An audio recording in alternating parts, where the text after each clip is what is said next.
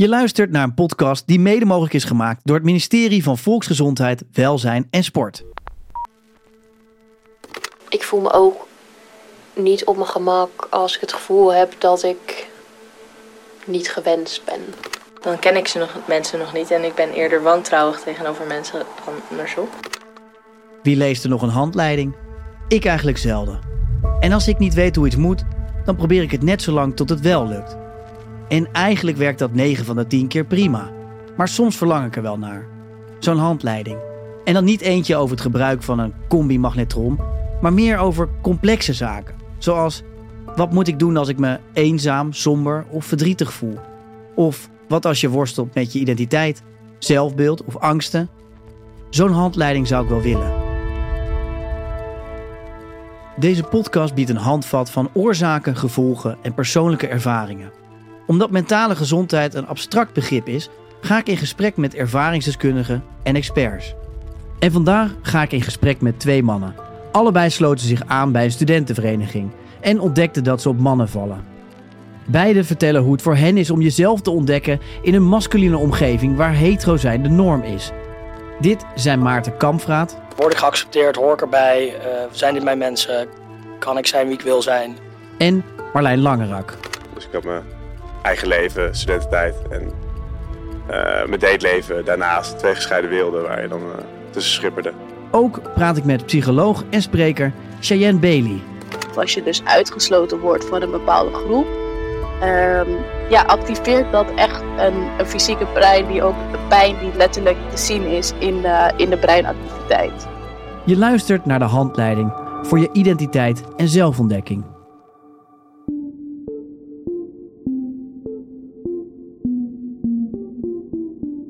Als je jong bent, is het logisch dat je jezelf leert kennen. En dat kan op allerlei verschillende manieren. Bijvoorbeeld door te studeren, een paar keer te verhuizen, omdat je misschien naar een andere stad gaat, door mensen te ontmoeten.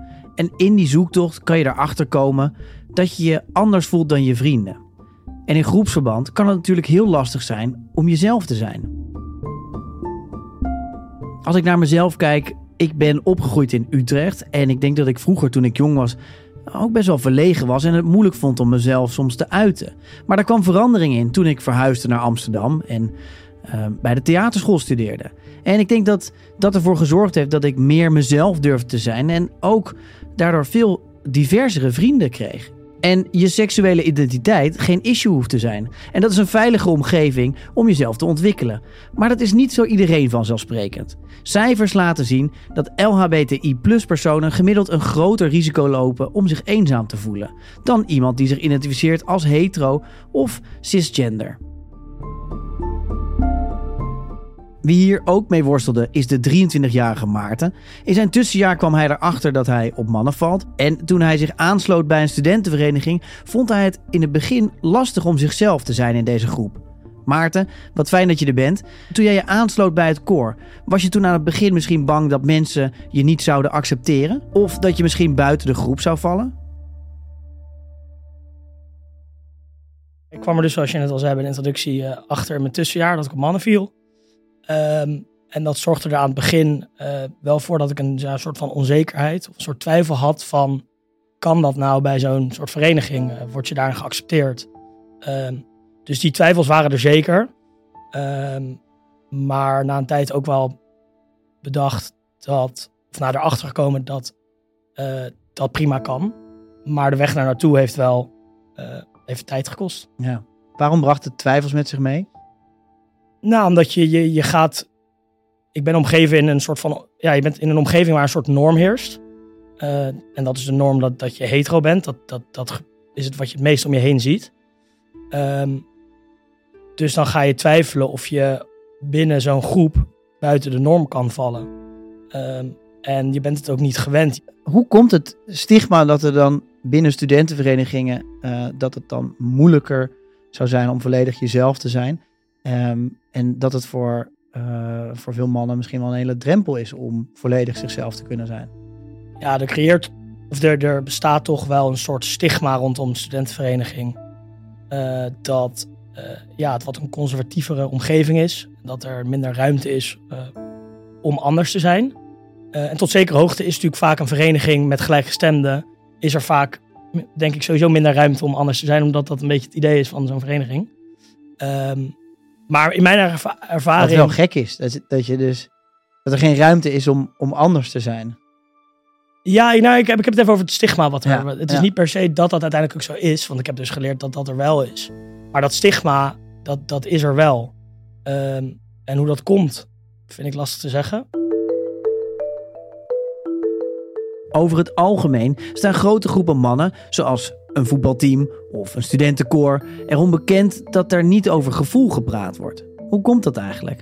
En wat als je je anders voelt dan de rest, maar je wil toch bij de groep horen? Marlijn Langerak kwam op zijn zeventiende bij vrienden uit de kast en later meldde hij zich aan bij een studentenvereniging. Marlijn, fijn dat ik je even mag spreken.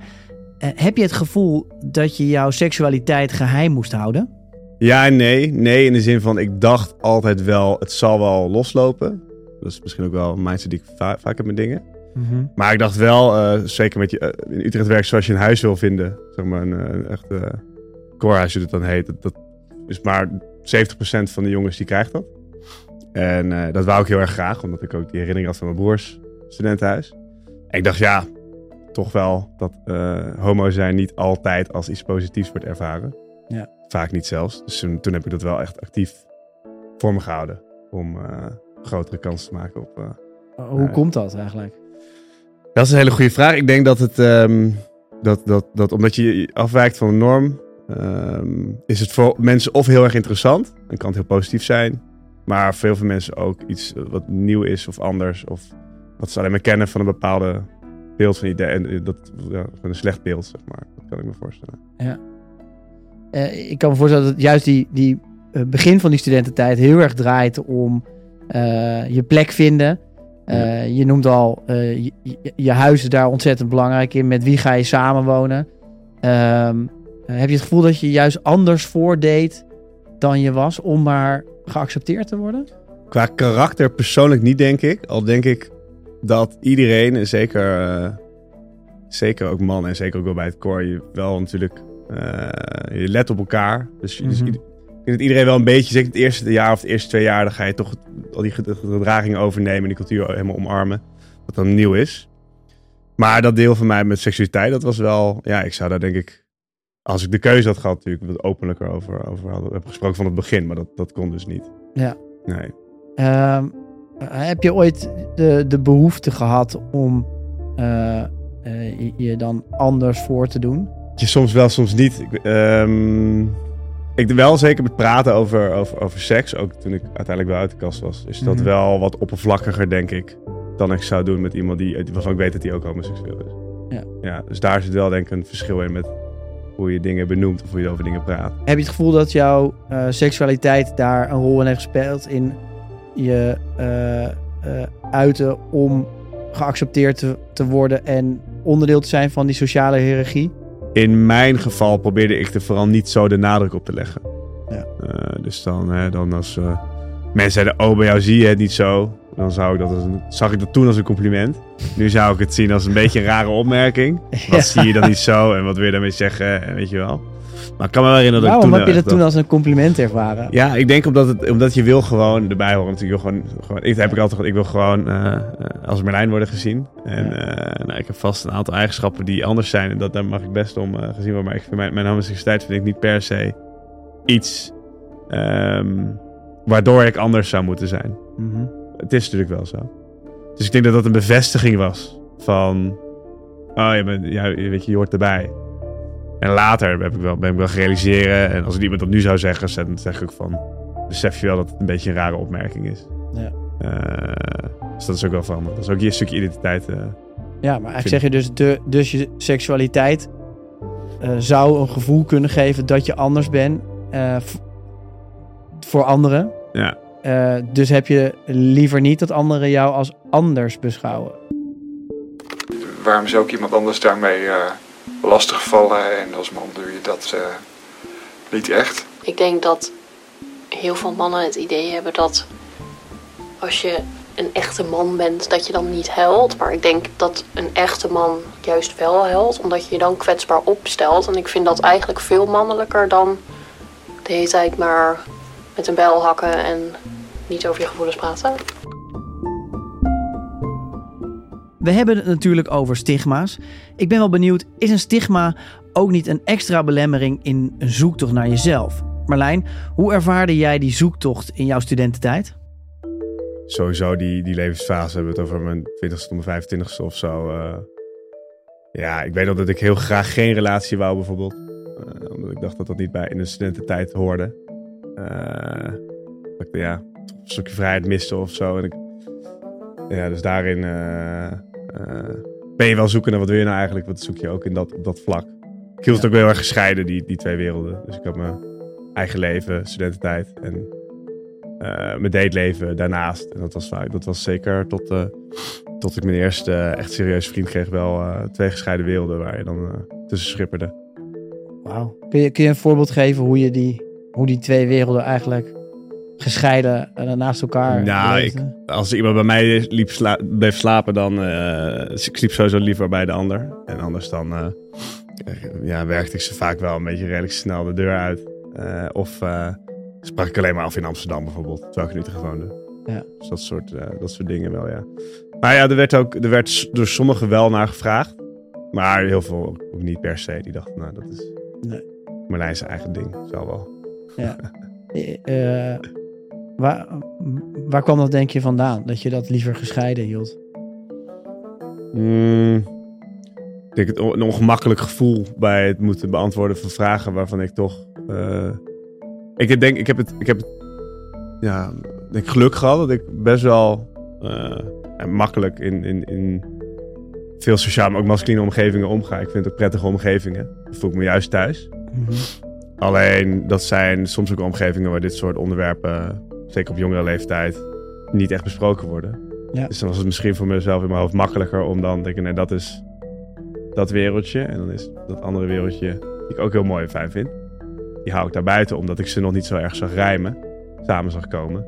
Terwijl toen ik bijvoorbeeld mijn eerste vriend kreeg en die wel gewoon bij mij thuis kwam en meeging naar dating days, toen vond iedereen dat alleen maar heel erg leuk, wat ook heel logisch is. Ja. En wat ik ook wel verwacht had, maar waar je toch nou, zeker vier jaar uh, over hebt gedaan om dan uh, daadwerkelijk uh, te doen op die manier. Heb jij je wel eens eenzaam gevoeld in je studententijd? Ja, zeker. Zeker. zeker in dat begin wel. Ja, denk, ja ik denk, denk dat dat. Ik denk dat iedereen zich wel eens eenzaam voelt. Mm -hmm. uh, in de mate waarin dat zal verschillen. Maar je kan ook, ook heb je een heel breed, groot sociaal netwerk. Dat je voor sommige dingen um, het gevoel hebt dat je, daar, dat, je, dat je het alleen moet oplossen. Uh, ja, dat is. Uh... En voelde je je wel begrepen door andere mannen in, in de, de de thema's waar je op dat moment mee worstelde of waar je mee rondliep? Nou, in het begin, omdat je het er niet over hebt, kun je ook niet begrepen voelen. Later dus wel, door juist over te hebben en over te praten. En ik praat graag, ik vind ik praat ook graag over gevoelens eigenlijk. Dan is dat geen, dat, dat lucht ook op, dat helpt ook. Soms heb ik gewoon het gevoel dat ik ergens niet bij hoor. Of dat mensen me niet leuk vinden. En of dat dan ook echt zo is, dat maakt dan eigenlijk niet zo heel veel uit. En toen hadden zij het ook over uh, van ja, ik had een collega en die was, uh, die was heel erg verdrietig over iets of zo. En zeiden ja, dat vind ik zo, uh, zo'n mietje vond ik dat. Elke situatie is natuurlijk anders, maar worsteling met je identiteit is wel heel herkenbaar voor veel jonge mensen. Ik kan me voorstellen dat je graag bij een groep wil horen en dat als je het gevoel hebt dat je anders bent, je je ook eenzaam kan voelen. Ook al heb je vrienden of zijn er nog zoveel mensen om je heen. Want hoe gedraag je je in een groep zonder het gevoel te hebben dat je afwijkt? Psycholoog Cheyenne Bailey geeft regelmatig trainingen over mentale gezondheid. Cheyenne, fijn dat je er bent. Uh, waarom willen mensen eigenlijk graag deel uitmaken van een groep? Ja, dat is grappig. Eigenlijk, als je teruggaat naar de geschiedenis, was een groep altijd nodig voor de mens. Om veilig te zijn, uh, helemaal terug naar jagers, uh, dieren jagen. Um, als je alleen bent, dan ben je een prooi. Uh, en als je in een groep bent, dan ben je veilig, sta je sterk. Dat is eigenlijk ook wat er gebeurt met demonstranten. In een groep heb je meer kracht. Ehm, dus daarom voelen wij altijd de noodzaak om ergens bij te horen. En eigenlijk als we het gevoel hebben dat we er niet bij horen, alsof we uitgesloten worden, ehm, dan wordt in je brein hetzelfde deel geactiveerd als bij fysieke mishandeling of als bij fysieke pijn. Dus het is zeg maar zo'n een diepe pijn die je voelt als je, als je wordt buitengesloten, die je eigenlijk automatisch wil vermijden door dus bij een groep te horen. Dus dat is eigenlijk een beetje twee elementen. En het element uit ehm, de evolutie van de mens, dat ehm, een groep nodig was om te overleven. En tegelijkertijd, als je dus het gevoel hebt dat je nergens bij hoort, of als je dus uitgesloten wordt van een bepaalde groep, ehm, ja, activeert dat echt een, een fysieke brein die ook pijn die letterlijk te zien is in, uh, in de breinactiviteit. En als we het nu betrekken op mannen, hoor jij vaker dat mannen die onderdeel maken van de mannencultuur, uh, denk aan een voetbalteam, een studentenkoor of welke vereniging dan ook, last hebben van zichzelf kunnen uiten? Ja, zeker. En bij mannen, ik weet niet of het, het zit zelfs nog een stukje voor zichzelf uh, kunnen uiten, dat ze vaak niet eens per se weten wat ze voelen, omdat ze eigenlijk uh, geconditioneerd zijn om niet te voelen. Uh, dus op het moment dat je eigenlijk van kleins af aan, dat mannen vaak al horen van ja, je bent een man, niet huilen, mannen hebben geen emoties, mannen voelen geen pijn. Dat zit er eigenlijk zo diep in dat op latere leeftijd, dat ze zichzelf dus gaan ontdekken. Um, als we kijken naar jonge mannen, ook in voetbalteams en de mannelijke cultuur, dan weet je eigenlijk al bijna niet wat je voelt, doordat het constant is onderdrukt. En het uiten daarvan is dan nog lastiger, omdat wat, wat moet ik eigenlijk uiten? Dus heel vaak bij mannen komt dat dan in frustratie, woede, uh, afsluiting.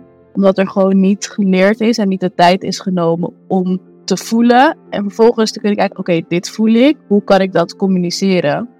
Terwijl bij vrouwen wordt dat als iets heel normaals gezien, want vrouwen zijn emotioneel en die kunnen goed over gevoelens praten. Maar dat komt omdat het geaccepteerd is dat vrouwen over gevoelens mogen praten. En een man moet altijd maar zijn hoofd omhoog doen, alsof een man geen emoties heeft eigenlijk. Dus ik denk dat dat het vooral heel erg lastig maakt voor mannen om zich te uiten, omdat ze niet weten hoe. Ze hebben nooit de ruimte gehad om dat te ontwikkelen of om überhaupt te voelen. Ja, dus die ontwikkeling ontstaat dan eigenlijk pas op een later moment in de zoektocht naar zichzelf, wanneer ze in hun studententijd of in werkomgeving zitten, omdat ze eigenlijk als voorbeeldfunctie thuis misschien nooit hebben meegekregen hoe je als man je zou mogen uiten. Maarten, je woont in een studentenhuis met alleen maar mannen. Heb je het idee dat mannen het moeilijk vinden om over hun gevoel te praten? Nou, ik denk als je het vergelijkt met vrouwen wel. Um, ik denk dat, dat, dat in onze cultuur er iets minder ruimte is voor mannen om over hun, gevoelens te praten. Um, dus ja, dat denk ik wel. Maar ik denk ook tegelijkertijd dat dat in onze generatie wel meer aan het veranderen is. Uh, ik denk dat als je kijkt naar zeg maar, de, de generatie van mijn ouders, was er denk ik nog minder ruimte voor. Mm -hmm.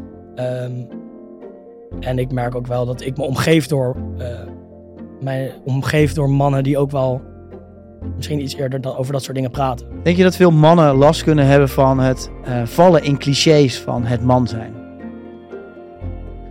Ja, vind ik lastig. Um, ik zelf, kijk, wat de ding is, ik zelf ervaar dat minder. Maar dat Mhm. komt misschien ook omdat ik daarin wat vrijer gewoon, ja, vrijer durf te zijn om gewoon daar niet zo met die vooroordelen rekening te houden. Uh, vanuit mijn identiteit, denk ik. Um, dus ik vind het lastig om, om voor de man te spreken. Mhm. Um, maar ik kan me voorstellen dat dat misschien bij sommige omgevingen het lastiger is om uh, los te komen van dat vooroordeel van de macho man. De macho man dus. Mensen in groepen steken elkaar natuurlijk ook aan en er wordt een bepaald patroon aangehouden.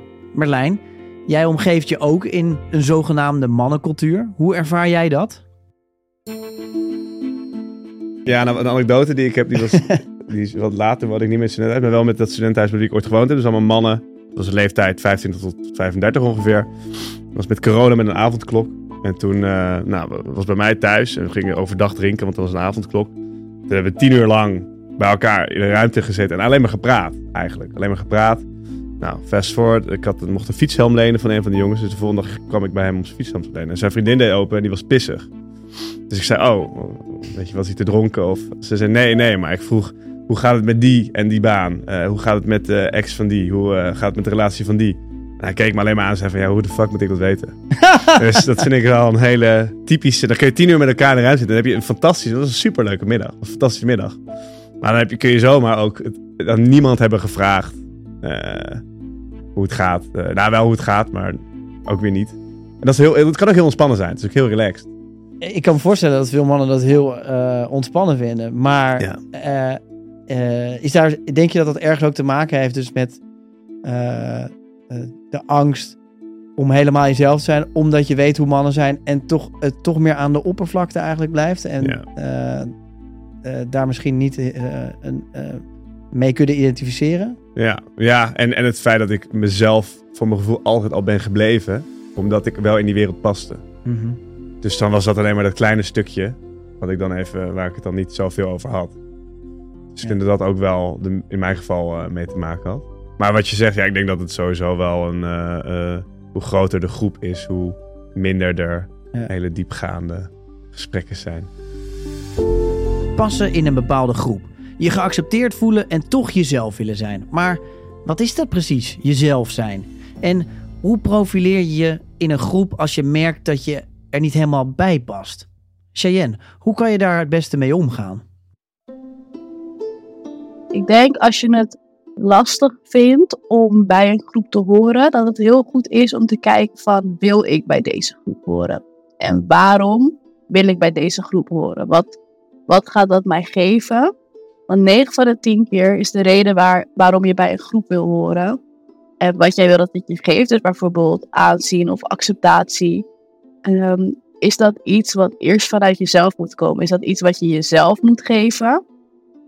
In plaats van dat we het buiten afzoeken. Dus mijn eerste tip is eigenlijk van oké, kijken van wat, waarom wil ik dat? Dus misschien in het geval van, uh, het kan ook een angst zijn. Dus een angst om afgewezen te worden en daarom wil ik zo graag bij die groep horen. En dan is het oké, maar wijs ik mezelf eigenlijk af? Want blijkbaar vind ik mijzelf niet goed genoeg om volledig te zijn wie ik, wie ik ben. En pas ik me daardoor aan aan normen van anderen. En als je eigenlijk gaat nadenken over. Ik leef een leven wat van mij is, maar ik leef het voor iemand anders, voor wat zij van mij vinden. Dan daar gaat ergens niet, iets niet helemaal goed, want het is jouw leven en dat moet je leven voor jou, naar jouw regels, naar jouw normen en waarden. En ik denk dat dat het allerbelangrijkste is om gewoon te kijken van oké, wie ben ik? En dan kijken, past die groep bij mij? En niet, pas ik bij die groep? Ik denk dat dat eigenlijk de belangrijkste vraag is op het moment dat je struggelt. Is het, past die groep bij mij? Ja. Ik denk dat in, in sommige gevallen dus de behoefte om bij een groep te horen uh, voortkomt uit een eigen onzekerheid of je wel geaccepteerd wordt door die groep. Terwijl als het begint bij zelfacceptatie, zul je ook makkelijker uh, geaccepteerd worden omdat jij jezelf hebt geaccepteerd.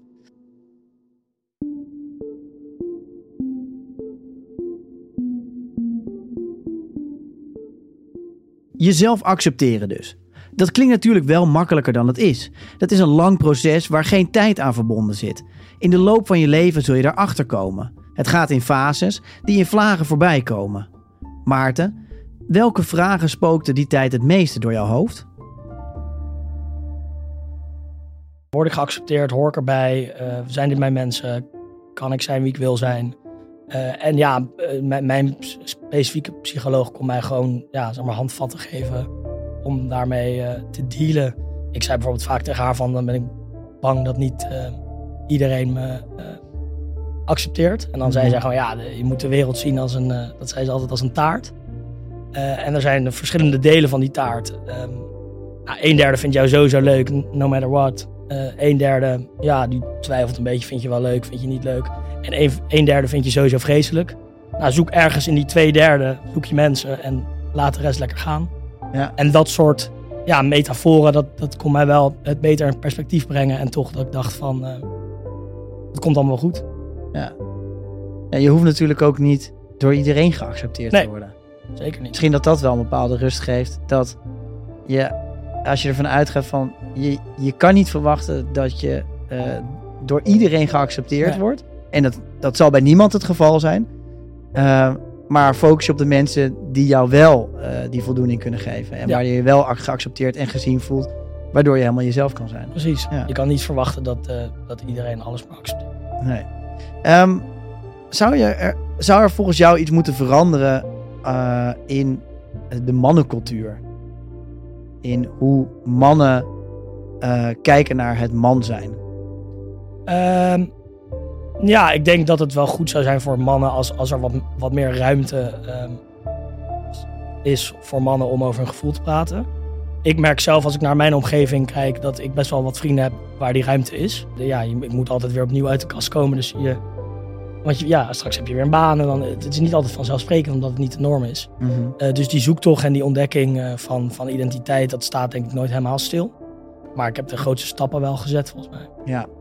Ehm, je zegt eigenlijk een van de grootste stappen die je gezet hebt, is, is heeft ook met zelfacceptatie te maken. Ehm, dat lijkt me ook geen makkelijke stap. Eh, ik kan me voorstellen dat er mensen luisteren en die met dezezelfde thema's struggelen Ja. in het volledig eh, zijn wie je wil zijn. Of je nou op mannen valt of op vrouwen valt. Ehm, wat zou je hun willen meegeven? Eh, nou, sowieso dat het heel belangrijk is om er met mensen over te praten. Eh, dus ik zou mensen, ik zou ze willen meegeven om, om te kijken wie in jouw omgeving, eh, waar, met wie kan je het erover hebben. En verder, ja, wat ik zeg, is het belangrijk dat je, dat je leert zelf content te zijn met wie je bent. En eh, leert blij te zijn met je eigen identiteit. En als je die volledig kan ontarmen, dan eh, gaan er denk ik alleen maar hele mooie deuren open. En dat, eh, ja, dat die route bewandelen kan lastig zijn. Kan ook tijd kosten. Dat is ook niet erg. Heeft bij mij ook wel eventjes geduurd. Maar uiteindelijk ja, moet je er wel aan gaan werken. En denk ik dat er heel veel moois uitkomt. erover praten, in gesprek gaan met je omgeving en vooral met jezelf. Maar stel dat je deel uitmaakt van een groep waar de norm nou eenmaal zo anders is dan wie jij bent. Hoe voorkom je dan dat je jezelf anders gaat voordoen? Of hoe voorkom je sociale isolatie? In principe voelt het ook alsof jij bent, jij bent anders. En anders zijn is altijd lastig. En anders zijn vergt heel veel moed. Eh, en vooral als je niet zeker weet hoe daarop gereageerd wordt. Dus ik kan heel erg goed begrijpen dat dat, dat, dat lastig is. Ehm, maar nogmaals is het zo belangrijk om te weten dat anders zijn is jouw kracht. En als jij dat volledig kan omarmen voor jezelf, dan, dan zullen de juiste mensen naar je toe komen. En in het begin is dat lastig, want vaak als jij jezelf durft te zijn en als je dat echt durft te uiten, komt daar binnen twee seconden komt daar een oordeel op. Eh, binnen twee seconden zullen mensen wat van je vinden, misschien van je weglopen. En dat moment voelt eigenlijk alsof alles, alles wegvalt, je hele eh, fundering eigenlijk breekt, je hele kaartenhuis instort. Maar op het moment dat een oude versie of het oude beeld of de structuur die je hebt gebouwd instort, is hetzelfde moment dat je een nieuwe structuur kunt bouwen met de mensen die jou wel zien, met de mensen die jou wel waarderen en die, met de mensen die van jou houden om wie je bent en niet om wie jij denkt dat je moet zijn. Anders zijn. Wat is dat eigenlijk? Ik kan mij voorstellen dat dit best een universeel gevoel kan zijn en dat iedereen dit wel eens voelt. Maar doordat je je aanpast aan een groep, dat gevoel onderdrukt. Marlijn, heb jij in je studententijd mensen zien worstelen met hun identiteit? Dat is een hele goede vraag. Ik heb daar niet. Ik, ik, let daar, ik heb daar denk ik niet op gelet. Dus Nee. dat zou ik niet weten. Ik denk wel dat ze er zijn. Ze moeten er zijn, maar ik denk dat iedereen dat heeft. Ja. Maar je houdt misschien toch wel een masker op. eh, bij. eh, in, in, in zo'n groep. Ja, denk je dat dat iets is wat eh, eh, eh, zeker bij mannen heel erg speelt? Een masker ophouden en niet Ja. laten blijken dat het als iets niet goed gaat? Ja, dat denk ik wel. Ja. Kun je voorbeelden geven van situaties waarin jij zelf ook een masker opgezet hebt? Ehm, nou ja, ik heb, ik heb ook wel eh, dat ik eigenlijk helemaal niet lekker in mijn vel zat. Ehm, eh, gelukkig is dat eh, niet vaak voorgekomen. Maar de keren dat het wel voorkwam, dan wilde ik ook niet dat je dan niet anderen ermee wilt ehm, belasten als je gewoon gezellig hebt afgesproken. Mhm. En je, je spreekt vaak af om iets leuks te gaan doen. dan is het natuurlijk lastig om dat moment van iets leuks er dan om te zetten in van, maar trouwens, eigenlijk gaat het niet goed. Uh, dus ik denk dat dat Terwijl- wel toch een masker is. Ik herken het, maar eigenlijk is het natuurlijk super raar dat je, eh, eh, dat je dus het moment dat je hebt afgesproken met iemand, dat je denkt, ik ga dat gezellig moment maar niet verpesten door Ja. te vertellen eh, dat ik eigenlijk niet lekker in mijn vel zit of wat er eigenlijk Nee. speelt. Terwijl door het misschien wel te delen, ontstaat juist die verbinding en dan voel je ineens niet alleen erin. Dus ehm, Ja, ik denk dat dat ook de valkuil is van veel mannen. Door je juist eh, in zo'n situatie eh, toch die confrontatie misschien spannend vindt met jezelf en daardoor een masker opzet. Ja, ja en dat, verandert, dat heb ik in ieder geval wel zien veranderen ook wel eh, de afgelopen paar jaar. Ja. En misschien ook omdat er meer aandacht voor is, maar dat er nu vaker dat gesprek wel gevoerd wordt. Zeker met, met echt goede vrienden. En ik durf het nu ook veel meer toe te geven als het gewoon even niet zo, niet zo lekker gaat. Ja. Ik denk dat dat wel... als, ik, als ik er goed over nadenk, kan ik me in mijn hele studententijd ook helemaal niet vaak herinneren dat iemand naar mij toegekomen is met hey, het gaat niet goed. Terwijl dat gek is, omdat het natuurlijk constant altijd wel met iemand in je vriendengroep denk ik niet zo lekker gaat. In deze aflevering zoomen we in op een bepaalde mannencultuur en hoe mannen zich hierin bewegen. Maar ook vrouwen zoeken natuurlijk naar zichzelf en naar hoe zij zich profileren in groepen. Cheyenne, zou er iets moeten veranderen in de maatschappij om dit probleem te verminderen? Hoe ik het zie, de hele maatschappij op dit moment is ingesteld om ons te verwijderen van wie we zijn. Eh, als je kijkt naar social media, bijvoorbeeld, dat is een hele grote pijler. Ehm, die constant, en dan heb ik niet eens over wat je daarop ziet, maar alleen maar de focus op dat beeldscherm. eh, waardoor de focus weggaat bij jezelf en je geconcentreerd bent op het beeld. Eh, en dan nog maar te beginnen over wat je daar allemaal ziet en hoe je jezelf gaat vergelijken met anderen, wat andere mensen wel hebben, wat jij niet hebt. Eh, dingen die je vaak voorbij ziet komen, die lijken dan heel erg normaal. Terwijl het is misschien 1% van de werkelijkheid, maar dat is op dat moment wel wat jij ziet en wat jij opneemt als, oh, zo moet het dus zijn. Dus dat is al een van de dingen die, ja, ik denk een, hele, een heel groot effect heeft op ehm, het verbreken van de verbinding met jezelf. Dus dat is eigenlijk de verbinding met jouw identiteit, met wie ik ben.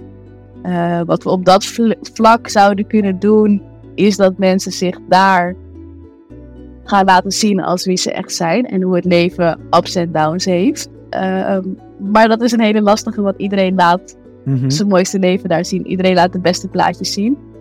Dus vandaar dat ik ook zeg van, het is een goede vraag, want er, het is nodig. Maar het is zo lastig als je al kijkt hoe inmiddels social media zo diep geworteld is, bijvoorbeeld in de maatschappij.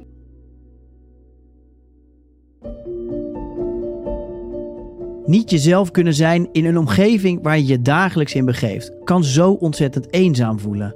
Van Maarten en Marlijn begrijp ik dat het delen van je gevoelens in een mannencultuur niet altijd vanzelfsprekend is. Alleen, ze geven ook allebei aan dat toen zij zich openstelden naar hun omgeving, dat het juist leidde tot verbinding. En dat doet mij ook weer denken aan de woorden van Cheyenne. Zodra je doorhebt dat je bij een groep past, is de kans op acceptatie veel groter. Omdat jij jezelf ook hiermee accepteert. En dat is waar het mee begint. Een leven proberen te leven dat van jou is. En dan nog iets. Ik denk eigenlijk dat jezelf kunnen zijn genuanceerd ligt. Want volgens mij profileert iedereen zich in bepaalde groepen anders. Ik gedraag me bijvoorbeeld bij de ene vrienden op deze manier en bij mijn ouders weer op een andere manier. Je schiet vaak in een bepaalde rol. En dat is helemaal niet erg. Zolang je maar achter alle versies van jezelf staat. En over die zoektocht, daar kun je in principe je hele leven over doen. Dit was de handleiding voor identiteit en zelfacceptatie. Ik wil mijn gasten Maarten, Marlijn en Cheyenne bedanken voor hun expertise en openhartigheid. En ik wil jou vragen: heb jij een aanvulling op deze handleiding of heb jij suggesties voor een thema waar jij een handleiding voor nodig hebt? Laat het mij weten via Instagram. Want één ding is zeker: deze handleiding komt nooit af.